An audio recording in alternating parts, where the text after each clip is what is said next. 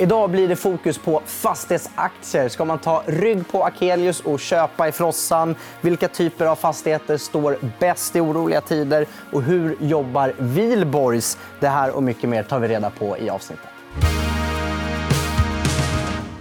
Och de som ska hjälpa mig att reda ut allt det här är dels eh, Peter Norhammar. Välkommen. Tack så mycket. Förvaltar två olika fonder. Dels NRP Anaxo Nordic M2 och dels Avanza Fastighet by Norhammar. Det stämmer bra. Ja, jag kommer ihåg hela namnen också, Mycket trots att de är bra. långa. Ja. Imponerande. Ja, tack. för det. Ja. Ja. och så har vi Ulrika Hallengren på länk också, vd på Wihlborgs. Välkommen. Tack. Eh, och vi ska börja med dig, Ulrika. För att eh, det är ju lite frossa bland fastighetsaktier. Hur kan ni dra nytta av det marknadsläget som är nu? Det är ett speciellt läge på många olika sätt. Eh, förstås både världsläget men också på ett lite mer lokalt plan. Så det är klart att allting reflekterar varandra och det blir osäkerheter som, som uppstår.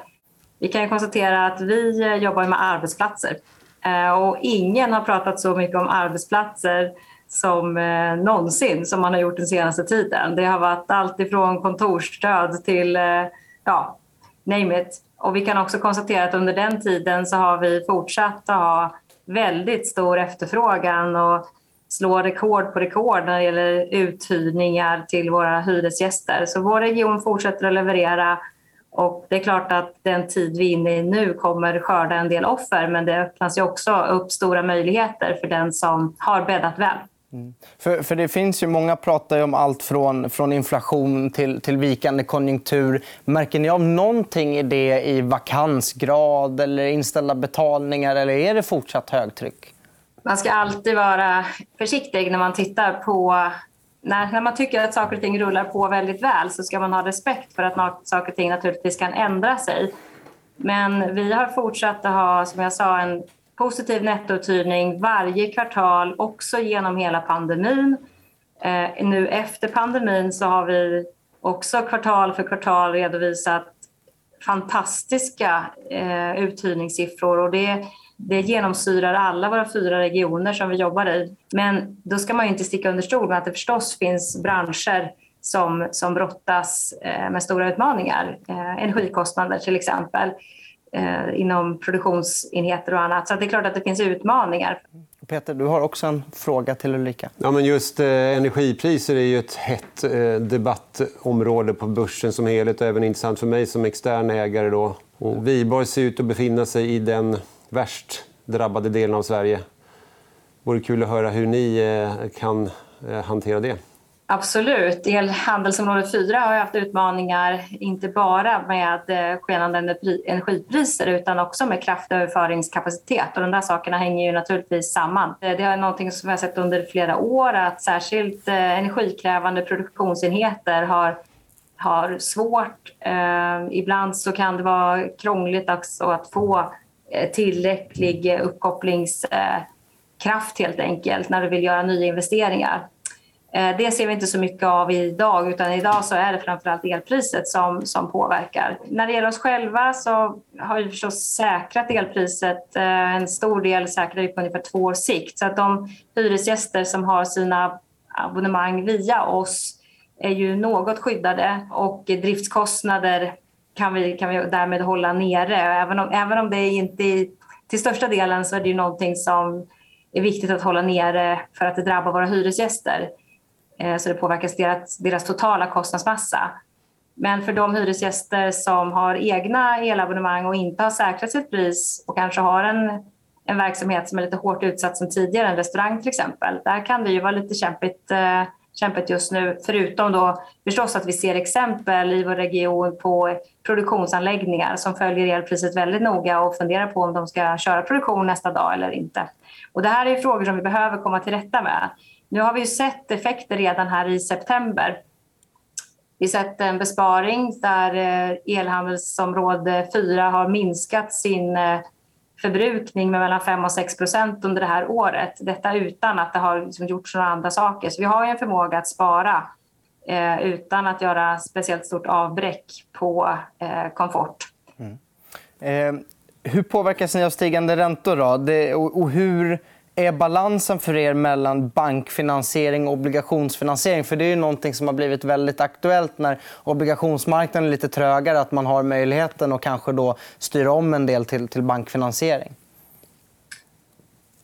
Vi har ju byggt vår finansieringsmodell utifrån att eh, över tid kommer pengar kosta något.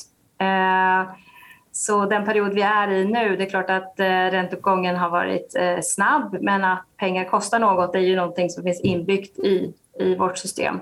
Det innebär också att vi har varit väldigt måna om att eh, alltid haft den, den största delen i bank, svensk bankfinansieringssystemet eh, och att vårda de relationerna väldigt noga.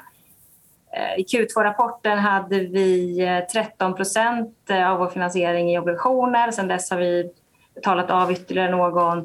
Så vi är nere nu på under 10 procent skulle jag säga, som ligger i obligationsmarknaden. Sen har vi också det danska realkreditsystemet som en ganska stor del. Och den fortsätter ju också både att vara väldigt långsiktig men också att bibehålla stabila och ganska låga marginaler. Så jag känner att vår finansieringsmodell fungerar. Den är byggd för att fungera både när det är väldigt goda tider men också när det är lite kärvare. Och det, det känns ju som att det fungerar just nu. Mm. Tack så mycket, Ulrika Hallengren, vd på Wihlborgs. Peter, du och jag ska gå vidare i programmet. Det har ju varit ett, ett utmanande år. Jag tog fram lite olika index och eh, konstaterat man kan säga att det är ungefär halverat i år eh, beroende på vart du tittar. Hur, hur är det som fastighetsaktieförvaltare att, att jobba i ett sånt klimat? Det är lite tvådelade svar. Jag, jag, tycker alltid att det är kul att jobba med fastigheter. Det är alltid kul att jobba med aktier. Det är alltid spännande, det är alltid roligt och det alltid, finns alltid nya saker att lära sig. Så det, det är liksom oförändrat. Men sen är det naturligtvis oerhört frustrerande att se börskurserna fullständigt slaktas på det här sättet. Och Eh, ännu mer frustrerande blir det när jag tycker att jag upplever en stor skillnad mellan eh, aktiemarknaden och verkligheten. För som Ulrika på Wihlborgs och många fler med henne eh, intygar så ser bolagen ut att gå riktigt bra underliggande ute i verkligheten. Eh, vilket de ju för övrigt gjorde under hela pandemin också. Så det här är ju en stabil sektor. Producerade ju positiva kassaflödestillväxttal innan pandemin, under pandemin, efter pandemin 2021 och ser ut att göra det även i år. Då. Och sen åker börskurserna överdrivet uppåt och nu överdrivet neråt. Så det blir en obalans mellan verklighet och, börs. Det är, tycker jag, en, det, det är lite... Eller förlåt, det är faktiskt mycket frustrerande emellanåt. Måste jag säga. Men det skapar också möjligheter. Är man då, har man då, eller försöker vi då ha koll på läget, göra vår fundamentala hemläxa så, så, så, finns det ju bra affärsmöjligheter för oss som är aktieinvesterare. här helt enkelt. Mm. Och för de som har torrt krut eh, kvar, hur, hur ser värderingarna ut nu då, efter efter all kursnedgång som varit. Ja, precis. Eh, just eh, på tal om värdering. Då, eftersom bolagen underliggande ser ut att fortsatt bra och börskursen halverats så är ju självklart dagens värderingar på extremt låga nivåer. Man kan titta på, på den här eh, grafen som visar börskurs jämfört med bokfört eget kapital i bolagen. Då är ju dagens värderingsnivå efter det här 50-procentiga fallet då, nere på nivåer som vi såg i samband med Lehman Brothers-kraschen. Och Lehman Brothers-kraschen 2008-2009 det var ju, det, många beskriver den som den värsta finansiella kris vi har varit med om sedan 1930-talets depression. Då. Eh, jag tror ju inte att vi är på väg in i en finansiell kris som är i närheten av Lehman Brothers. Eh, då trodde vi att hela banksystemet skulle kanske fallera. Och det, det var ju, hela, hela västvärldens liksom, finanssystem var ju i gungning. Folk började fundera på om man skulle börja byta med konservburkar och sånt med varandra. Ja, lite så. Ja. lite så. Jag tror inte att det är det vi är på väg in i. Utan vad vi har nu är utmanande hög inflation vilket får centralbankerna att agera kraftfullt vad gäller styrräntehöjningar. Men någon så finansiell kris eller fastighetskrasch det är inte det som vi är i nu. Det är inte det jag tror kommer att hända. Så jag tycker väl ändå att börsens dag, liksom, reaktion är minst sagt en smula överdriven på nedsidan. Mm. Eh, och, och, du nämnde det. Det låter som det rullar på. Vad tror, vad tror du om eh, liksom, intjäningen? Kommer den också rulla på i, i år för bolagen? Ja, men eh, det, våra senaste prognoser visar ju på det. Eh, det. Det kommer att vara stora skillnader mellan bolag och bolag. Man kan väl säga så här. De senaste tio åren då har det gått att tjäna pengar på vilken typ av fastighet du nästan än, än har köpt. Så har gått upp i värde. Eh, riktigt så enkelt är det nog inte framöver. Man får nog skilja lite mer på subsegment. Men om man tar det medianbolaget inom det nordiska universet av börsnoterade bolag så kommer det bolaget tror jag, öka sitt kassaflöde per aktie även i år. Då. Och eh, våra prognoser visar väl på åtminstone Eh, oförändrad eh, kassaflöde per aktie även 2023. Då. Så att, eh, den här stabiliteten ser ut att hålla i sig. Så att, jag vet inte. Det, det, vi har en fortsatt positiv bild. helt enkelt. Vi hör ju också det från bolagen att det, det går ju bra. De hyr ut nya lokaler till nya hyresgäster. Hyresgästerna sitter kvar i andra fall. Och, sen kommer vi få KPI-justerade, höjda hyror nästa år. Det finns mycket som ser riktigt bra ut. Men är det det som möjligen också skulle kunna få dig att bli orolig om det svängde om man fick höra om eh, ökande vakansgrader, inställda betalningar? Är det det som skulle vara liksom skräckscenariot om det blev så? Ja, det är det ju naturligtvis. Om vi då skulle hamna i en situation med eh, fortsatt utmanande Hökaktiga kommentarer från centralbankerna, Fortsatta styrräntehöjningar i kombination då med kraftigt försämrad konjunktur. Det börjar komma konkurser, vakanserna stiger. Då blir ju bolagen klämda från två håll. Det är ju naturligtvis mardrömsscenariot. Det är det vi kallar för stagflation. Eh, I det scenariot så finns det väl dock andra branscher som har det värre. Om, om de för, hyresgäster som, eller liksom företag som inte ens har råd att betala hyran i de lokaler de sitter har väl större problem än så. så att säga. Eh, då är det väl den typen av bolag man ska undvika hellre än att sälja fastighetsbolagen som äger lokalen. De här husen står ju trots allt kvar går att hyra ut till andra hyresgäster. Så jag tycker kanske inte i det här stagflationsscenariot så är det ju inte fastighetsbolagen som man ska i första hand vara mest rädd för. Då har vi andra problem. Då. Jag tycker väl det generellt också Eh, det, det är lite tokigt att börsen är orolig både för massiva räntehöjningar och dålig konjunktur. Det, där brukar, det brukar vara en av dem som kanske händer. Då. Och jag tänker mig nog att om vi kommer in i 2023 med kraftigt försämrade konjunktursignaler då kommer väl centralbankerna börja fokusera på det som heter finansiell stabilitet också. Eh, och inte bara då, eh, liksom eh, finansiella eh, eller stabila priser. helt enkelt. Och nu är det väldigt mycket fokus på inflation. Men bakom hörnet här så kommer vi, de väl behöva fokusera på även konjunktur och finansiell stabilitet. helt enkelt. Då. Mm. Något, något, som också såklart oroar många det är ju, ja, eller, det är vi det pratat om, med stigande räntor och därmed stigande finansieringskostnader. Och bland annat blev ju marknaden lite skrämd när MP3 och Emilshus har emitterat obligationer med, med delvis rörliga räntor uppåt 8-9 ja. Är det så här dyrt att finansiera fastighetsbolag?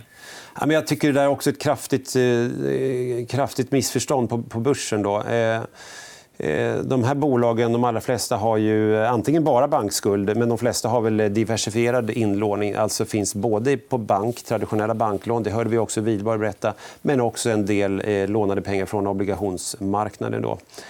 De där pengarna har lite grann olika syften. Eh, I NP3s fall så har jag förstått det som så att det här var ju en toppfinansiering kan vi kalla det för. Jag tror NP3s eh, skuldportfölj består av ungefär 15-20% obligationer, resten bankskuld. Då. Och den här eh, obligationen jag tror den var på 400 miljoner. Den motsvarade någonstans mellan 3 och 4% av bolagets totala upplåning. Och ja, den obligationen var dyr, någonstans 8-9 Men eftersom eh, eh, eh resten av eh, skuldportföljen är betydligt billigare... De har ju en genomsnittlig eh, räntekostnad idag på ungefär 2,7 och Med den här nya obligationen och med en högre Stibor-effekt när vi kommer in i Q3 Q4 så stiger den genomsnittliga räntan för det här bolaget från 2,7 till 3 så vi måste, ju, när vi analyserar de här bolagen, se på den genomsnittliga räntekostnaden för hela skuldportföljen. Vi kan inte fokusera på enskilda obligationstappningar, så att säga.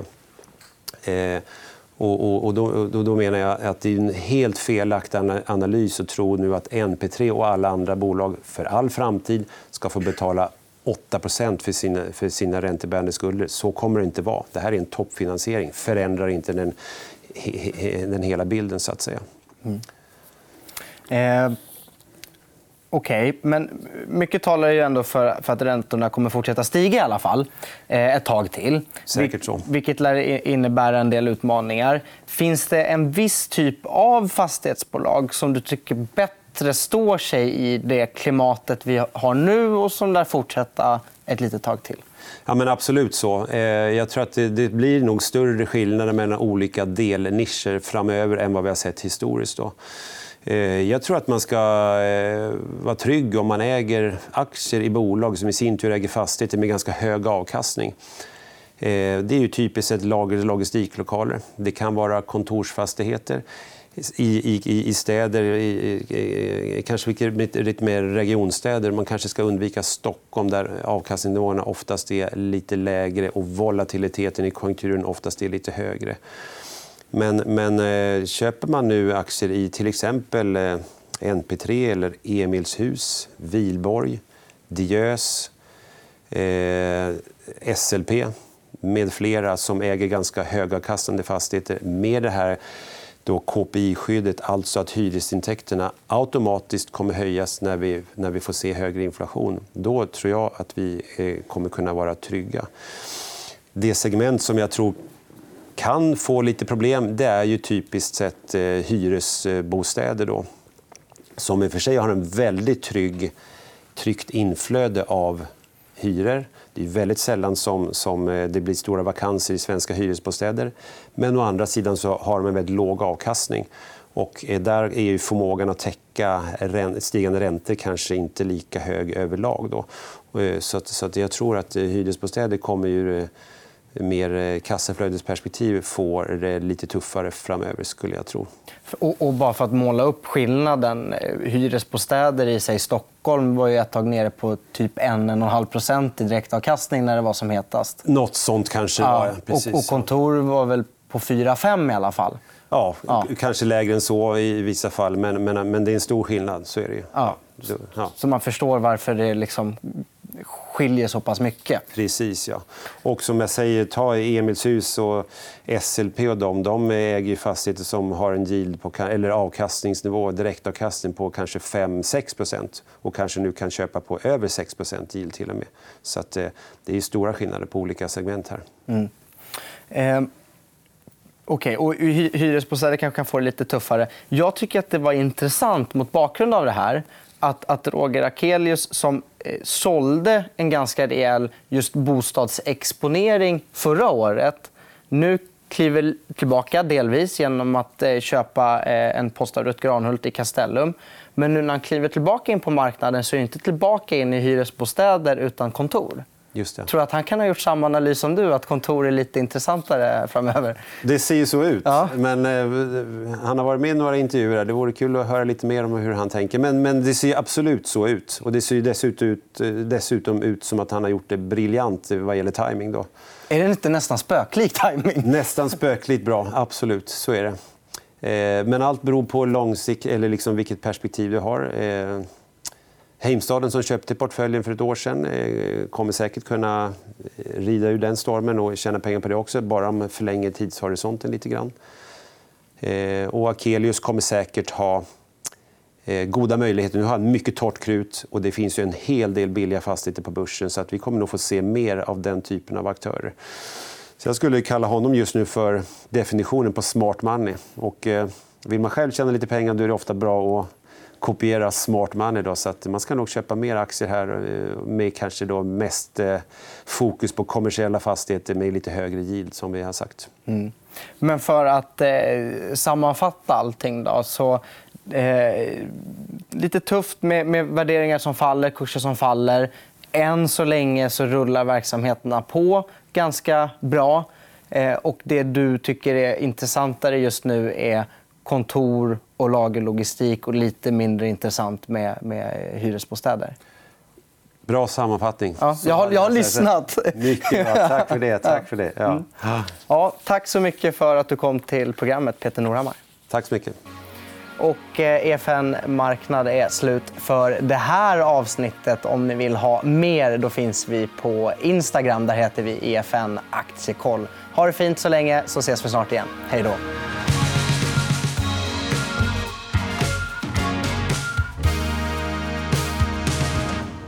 Har lyssnat på EFN Marknad, en podd av EFN Ekonomikanalen. Mer om ekonomi och aktier finns på efn.se.